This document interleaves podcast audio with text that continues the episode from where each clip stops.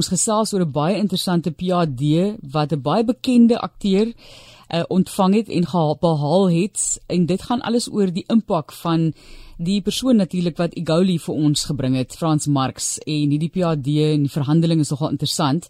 Chris gaan vir ons 'n bietjie meer daarvan vertel. Dit is sy PhD soos ek genoem het, 'n praktykbeheerde perspektief op Frans Marx as die sentrale figuur in die ontstaan van die eerste Afrikaanse TV-dag vervolgverhaal. Baie welkom Chris.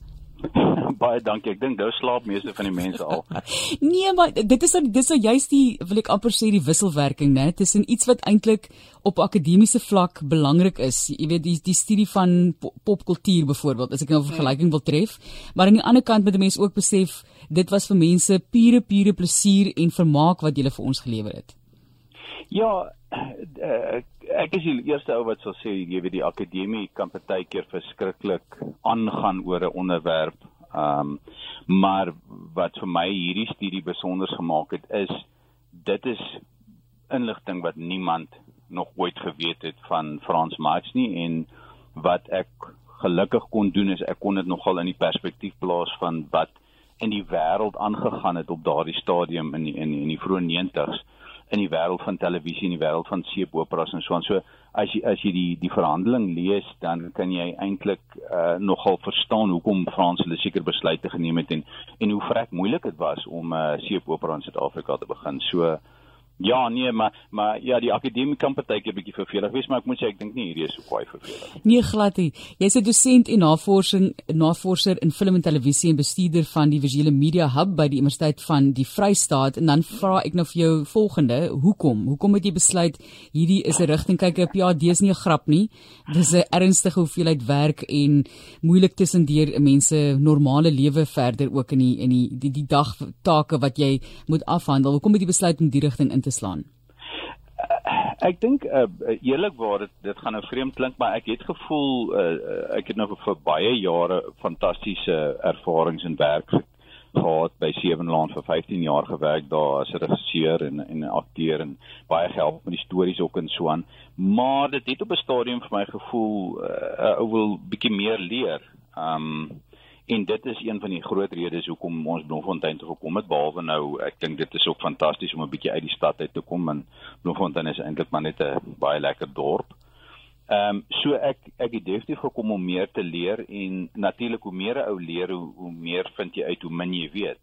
Ehm um, so ek het aanvanklik uh, gedink ek gaan net 'n bietjie ietsie skryf oor televisiereekse en toe besef ek maar niemand het eintlik nog enige rekords uh, of enigiets neergeskryf oor byvoorbeeld Frans Marx se bydrae en so ongelooflike kreatiewe ou nie.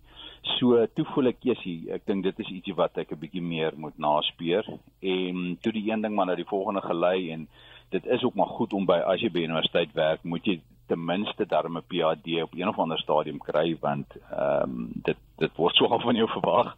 Ehm um, so maar dit was nie die hoofmotivering nie. Die hoofmotivering was om meer te leer en en ek het geweldig baie geleer uit dit uit. So wat gaan ons leer? Ek weet jy kan nou nie alles vir ons weggee nie en ek weet ons gaan nou net praat oor die boek wat Frans ook gaan vrystel, maar mm. wat is van die interessanthede agter die skerms? Want dit vervat seker nou alles van die tegnies tot die stel tot die mense wat ge gebruik word agter die skerms voor die kameras. Dit moes 'n ongelooflike hoeveelheid inligting gewees het om te verwerk. Ja, ek ek, ek dink eintlik wat ou meer ek die die die studie gaan nie so seer oor die tegniese aspekte daarvan nie. Dit gaan eintlik oor die faktore wat Frans se kreatiwiteit beïnvloed het. So ek gaan ons het begine praat ek het verskeie onderhoude met hom gehad en ons het gepraat oor sy kinderdae en die invloed van boeke byvoorbeeld en die invloed van sy ma en allerlei kreatiewe invloede deur sy sy lewe want dit fascineer my altyd hoe skrywers by stories uitkom. Begin hulle deur karakters of begin hulle deur ehm um, sekere gebeure in hulle eie lewe of deur uh, aktuelle gebeure wat ook al. So die hele studie uh, analiseer amper die die kreatiewe invloede op sy op sy lewe en op sy ontwikkeling.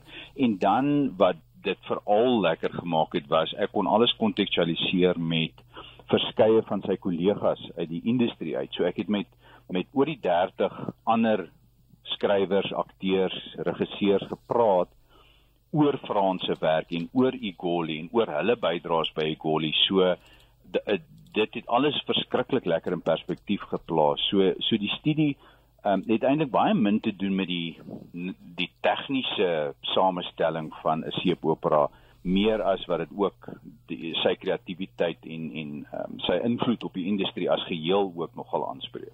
So mense sal kan lees in die toekoms, uh, jy praat van 'n voorlopige titel uit die Perd se bek. Dit is sy boek wat in September vrygestel word. Daar kan mense seker nou baie lees van die verloop, maar wat dink jy was die effek dan van Igoli op die landskap van Suid-Afrikaanse televisie in geheel en dan ook in die konteks van daardie genre? Sjoe, nee, uh, dit was baanbrekers werk want die Suid-Afrika eh, die SAIK byvoorbeeld op daai stadium het nooit geld gehad het. Hulle hulle kon nie eintlik soveel geld spandeer om om 'n uh, dagvervolg verhaal te skep nie. So dis waar waar Mnet ingekom het en en het 'n geweldige kans gevat. Hulle het vir Frans hulle byvoorbeeld gesê hulle gaan eers um, net 100 episode van die Goli skiet. Ehm um, en as hulle nie daarvan hou nie of hulle voel nie want kyk alles gaan maar oor geld so as hulle nie genoeg advertensies verkoop het nie en die mense was nie mal genoeg daaroor nie dan sou hulle dit gestaak het maar uit die aard van die saak was dit so geweldig suksesvol en ehm um, Mnet het toe nou uh, begin daarmee en kort daarna het, het die SAIK toe met Generations begin en uh, Isidingo en later het ons met Sewenland begin Dani Odendaal wat die hoofskrywer was saam met Frans en wat saam met Frans eintlik my Goli geskep het het uiteindelik Sewenland geskep. So in die in die boek ehm um, wat die boek is in 'n baie groot mate 'n verwerking van die van die proefskrif wat ek geskryf het.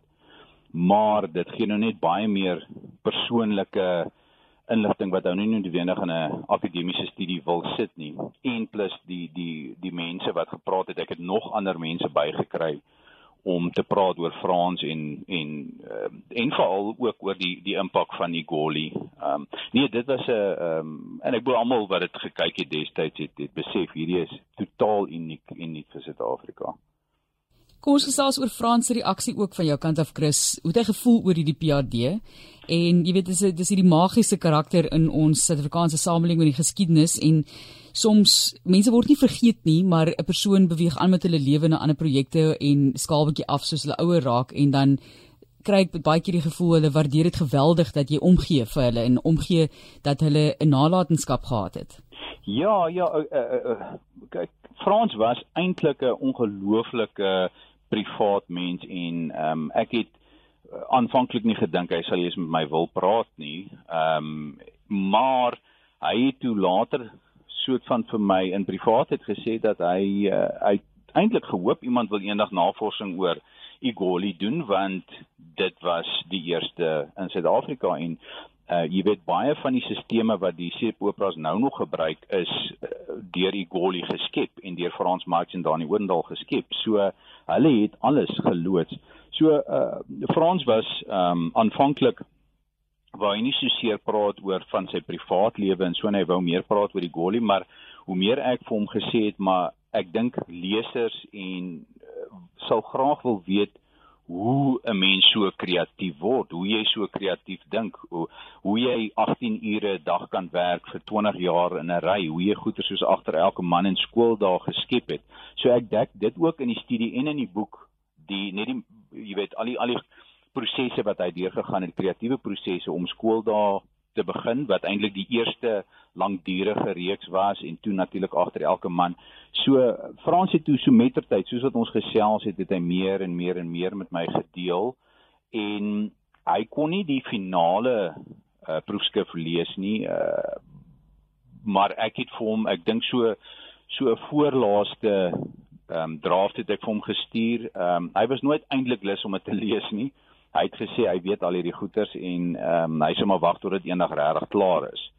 So uh, ja, ek ek dink hy het net gevoel dit is dis dis great dat dit uitkom en dat iemand dit wel neerskryf en dat dit ehm um, vir ewig is, maar verder het hy nie regtig belang gestel nie. Hy's nogal 'n ehm uh, uh, ja, baie privaat mens.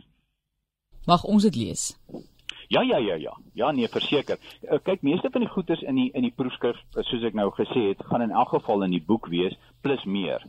So die waar waar eh, die al wat die wat die PhD net in het is aansienlik meer verwysings na wat in die wêreld gebeur het van seepoperas. Met ander woorde, ek verweef so half uh, baie literatuur, Amerikaanse en Engelse literatuur van die 40s af deur want want toe televisie in die in die uh, mid 40s eintlik regtig afgeskop het in Amerika, toe klomp trend dadelik van die radio af al die seepoperas begin sit op televisie. So toe ons toe toe toe Frans hulle in 92 met met die Goli begin het, toe toe skiet die Amerikaners al vir amper 35 jaar seepoperas. So dit is baie lekker so deur Franse geskiedenis met ander woorde van sy geboorte af in in in 42 en basically toe hy nou laerskool toe is, dan gooi ek almekaar in ehm um, wat in die wêreld van seepopera reg oor die wêreld gebeur het en ehm um, in 1975 het hulle al uurlange episode in Amerika geskiet. Ons kan nou nog in Suid-Afrika nie uurlange episode in 'n in 'n ateljee skiet nie. So dis baie lekker om in die teses het ek nou baie meer sulke goeters in, maar in die boek is dit nou meer ehm um, oor Frans en meer kan ek net maar sê oor die oor oor skooldae en agter elke man Nicoli meer prettige goeters baie meer humor in en so. Ons sien baie uit om meer daarvan te leer en te gesels daaroor later is nou September wat ons dan kan uitsien. Chris Foster, baie dankie. En ek weet jy sê ginse dokter nie, maar jy is nou amptelik dokter. Mag ons nou nie maar dit sê nie. O.